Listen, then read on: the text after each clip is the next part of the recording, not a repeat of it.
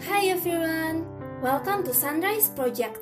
Ini adalah segmen Youth Talk, tempat obrolan tentang lifestyle anak muda. Di sini kita akan membahas pertanyaan-pertanyaan seperti tujuan dan pilihan hidup, pendidikan, pekerjaan, kesehatan jasmani dan mental, dan masih banyak lagi. Selamat mengikuti!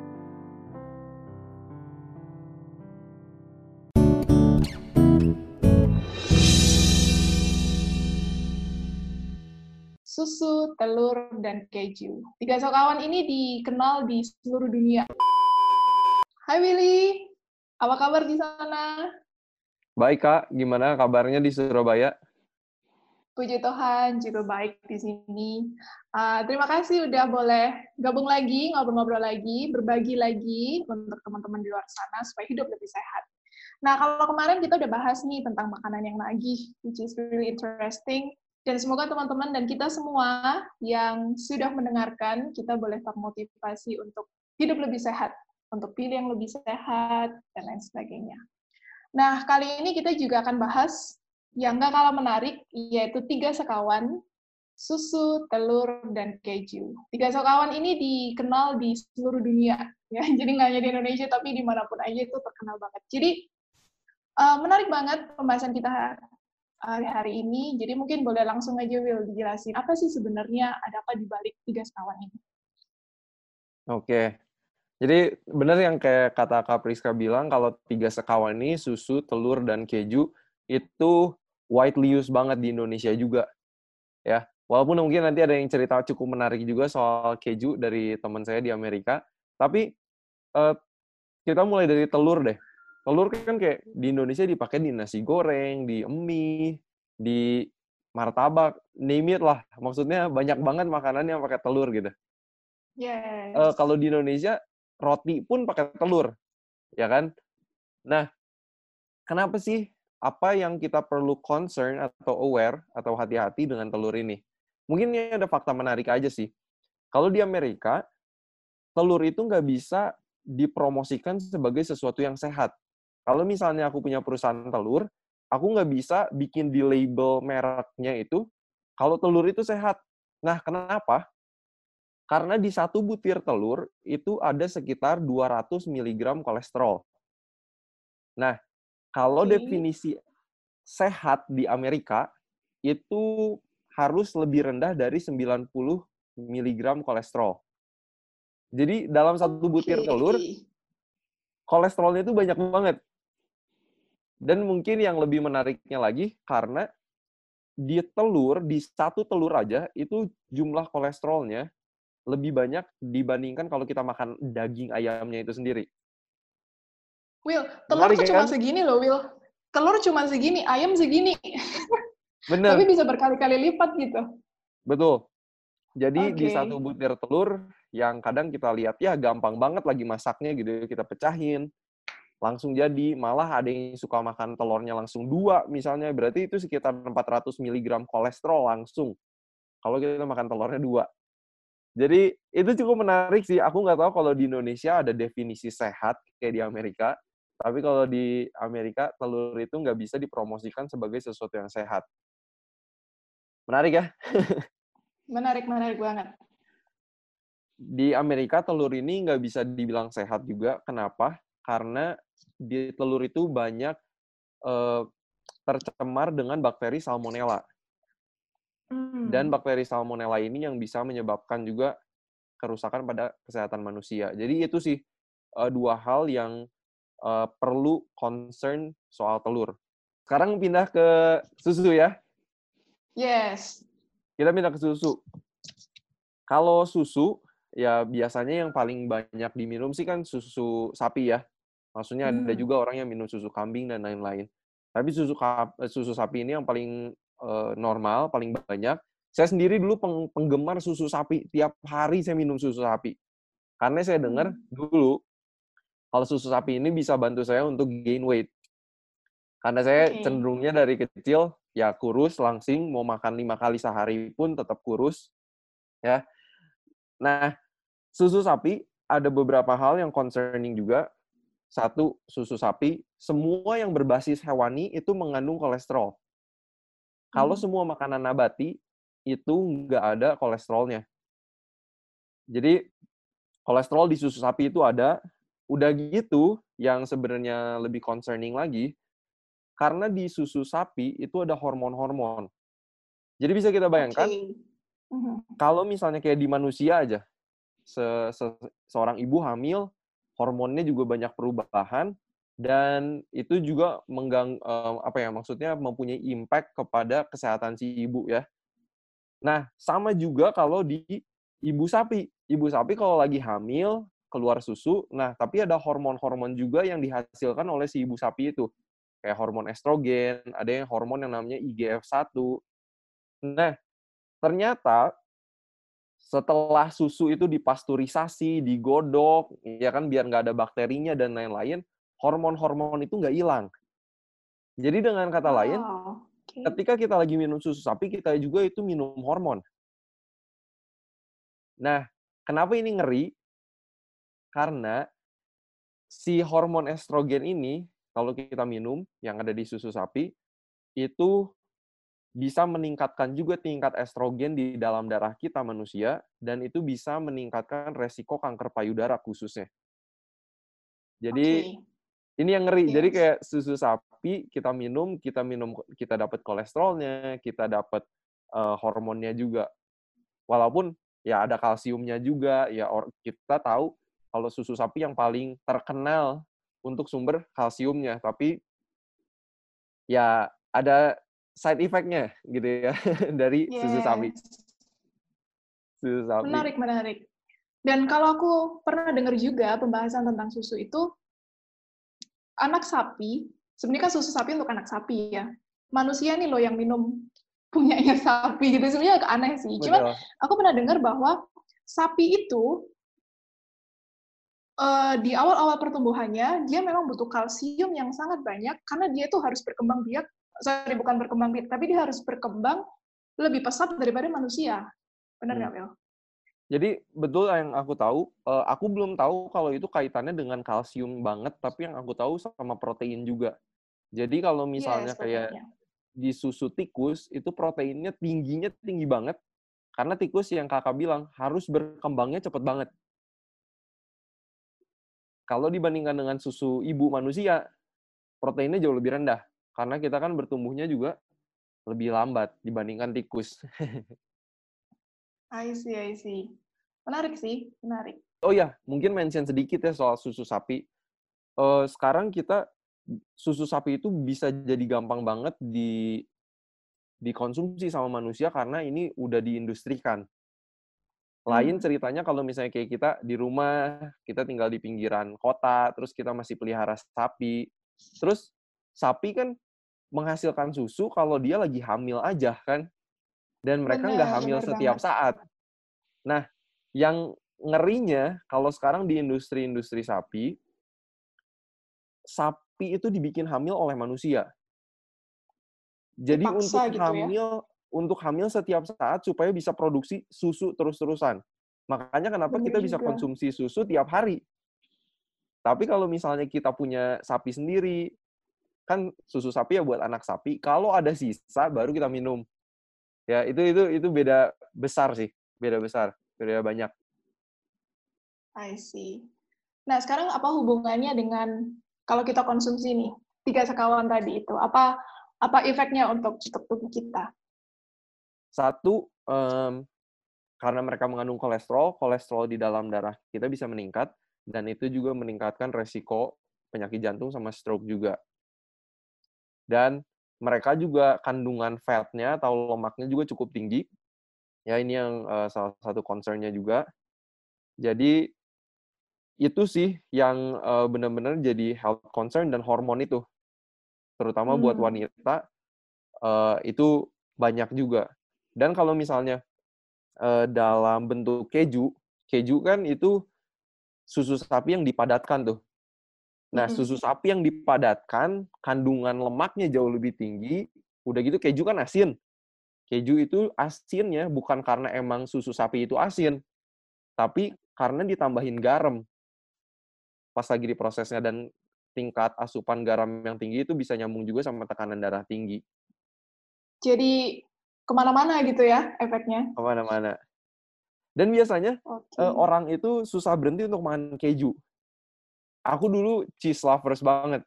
Nah sekarang pengetahuan udah udah tahu nih, karena di protein yang ada di susu sapi atau keju itu namanya kasein. Kalau kasein ini dicerna sama tubuh kita, salah satu yang hasil breakdownnya itu namanya casomorphin. Ya namanya mirip morfin. Dan casomorphin yes. ini nempel di reseptor otak yang sama sama sama kalau kita pakai morfin.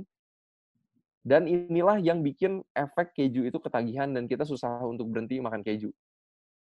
Jadi hmm. interesting interesting fact sih. Iya. Wow. Thank you for sharing. Jadi kita lebih paham kan ya, lebih mengerti seperti itu. Nah, terus jadi gimana nih untuk kita kalangan muda gitu, mungkin juga anak-anak yang ngekos gitu, yang gampang banget belum dapat dan mungkin relatif murah juga ya telur gitu kan relatif murah gitu. Kira-kira gimana nih tipsnya atau bagaimana kita membalance uh, makanan kita gitu? Kuncinya sih nomor satu meal planning ya, meal hmm. planning.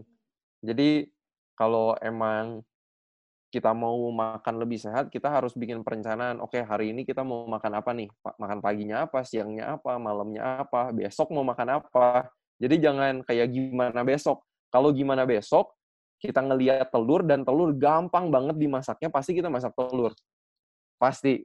Apalagi kalau kita udah buru-buru mau kuliah, mau ke sekolah, wah udah telur salah satu iya.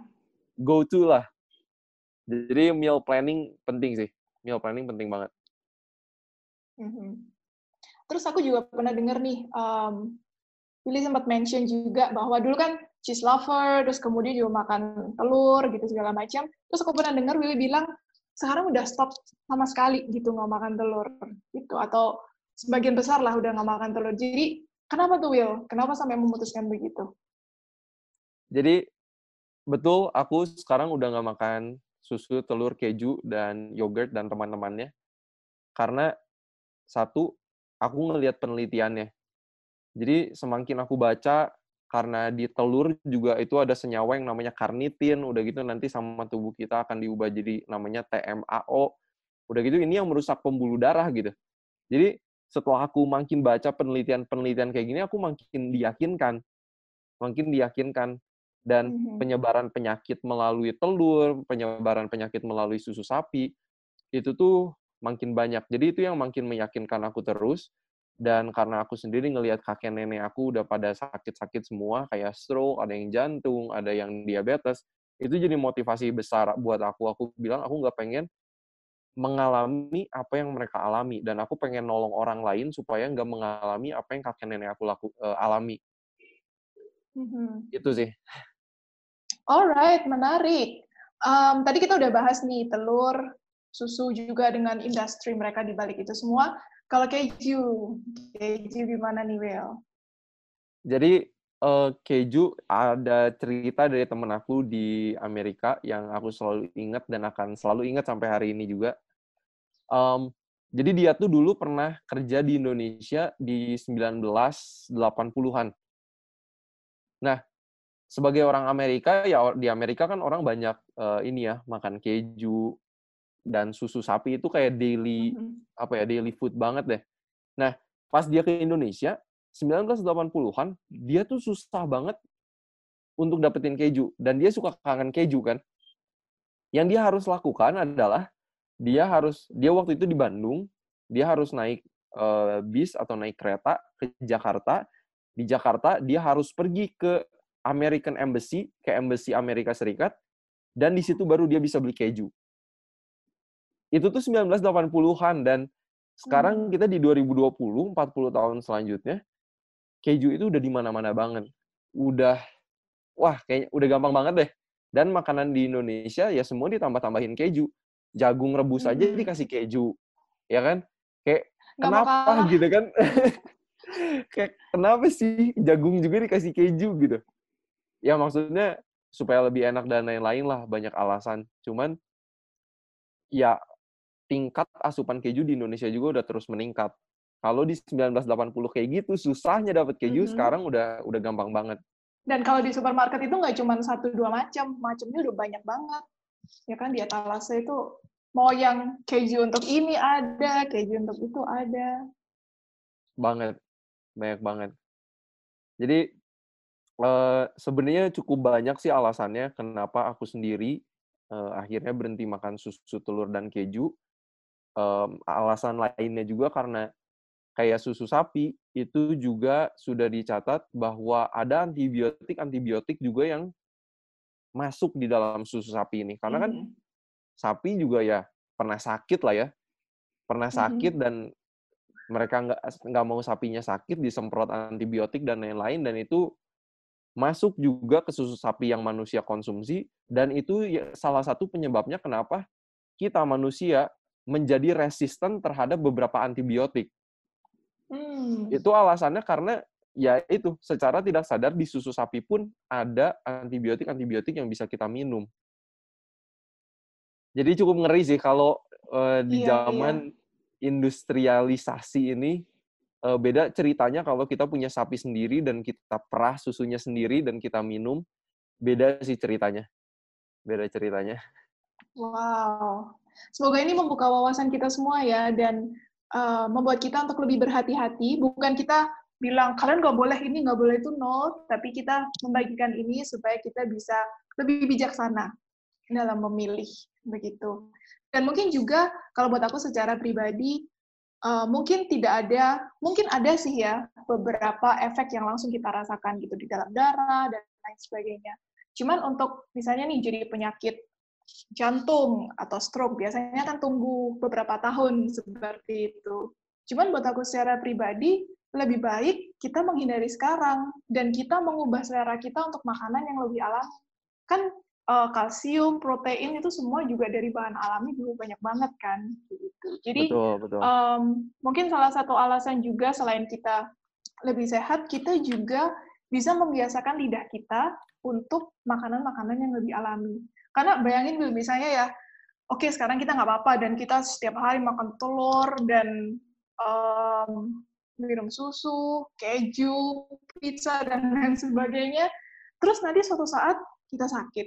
Terus dalam satu hari kita harus merubah semua pola makan kita. Pasti nggak mungkin gitu kan. Mungkin sih, tapi kan pasti akan sangat berat. Um, jadi kenapa nggak kita merubahnya dari sekarang gitu. Toh kita merubah ke arah yang lebih baik. Betul. Seperti itu. Kalau ini kira-kira gimana nih um, pesan untuk teman-teman di luar sana? Buat teman-teman mungkin bisa dicoba dulu ya ke secara pribadi karena uh, susu di dalam susu itu kan ada ini ya namanya tuh gula namanya laktosa. Nah mayoritas orang di Asia di dunia itu nggak bisa mencerna laktosa. Jadi hmm. kalau misalnya teman-teman cobain deh, misalnya lagi minum susu, makan keju, terus tiba-tiba jadi mual, udah gitu jadi kayak enek. Itu salah satu ciri atau jadi diare, itu salah satu ciri kalau sebenarnya tubuh kita itu udah nggak bisa mencerna susu. Jadi kalau misalnya teman-teman udah ngalamin itu, kayaknya adalah waktu yang bagus juga untuk coba lepas. I see. Tubuhnya ngasih alarm nih. Betul nggak cocok nih makan ini gitu kan hmm. betul dulu yang menarik yes. buat aku sendiri tuh aku tuh suka banget keju kayak cheesecake kayak gitu suka banget tapi hmm. setiap kali aku makan pasti setelah itu tuh aku ada perasaan mual dan enak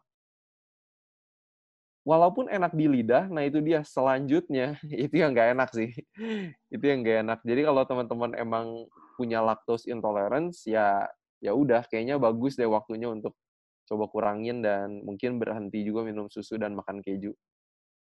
Mm-hmm. Well, sepertinya sudah banyak banget yang di-sharing, uh, yang dibagikan. Thank you so much, Will, sudah boleh sharing itu semua dari hasil penelitian dan semua yang uh, semoga ini boleh membuat kita untuk lebih bijaksana karena kita lebih mengerti kan gitu. Dan mungkin Betul. ada kata-kata terakhir, Will? Pesan terakhir? Pesan terakhir, uh, kalau misalnya teman-teman uh, punya kitab, uh, ada ayat di kejadian 1 ayat 29, dan di situ Alkitab mencatat makanan yang Tuhan kasih kepada manusia mm-hmm. pada mulanya pertama kali. Dan kalau kita lihat di Alkitab, makanan pertama untuk manusia itu makanan nabati 100%. Nggak ada makanan hewani. Jadi mm-hmm. semakin dekat kita bisa makan nabati 100% semakin baik. Dan kalau buat orang-orang yang tinggal sampai seratusan tahun sampai hari ini disebut daerah-daerah blue zone namanya, orang-orang mereka ini masih juga mengkonsumsi uh, produk hewani. Tapi hanya 5% dari pola makan mereka. Sedangkan 95%-nya itu makanan nabati semua.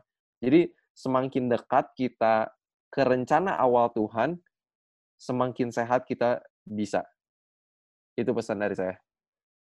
Amin. Oke, sekali lagi terima kasih banyak sudah boleh sharing dan terima kasih untuk waktunya, effortnya semuanya Will. Semoga bisa ketemu lagi ya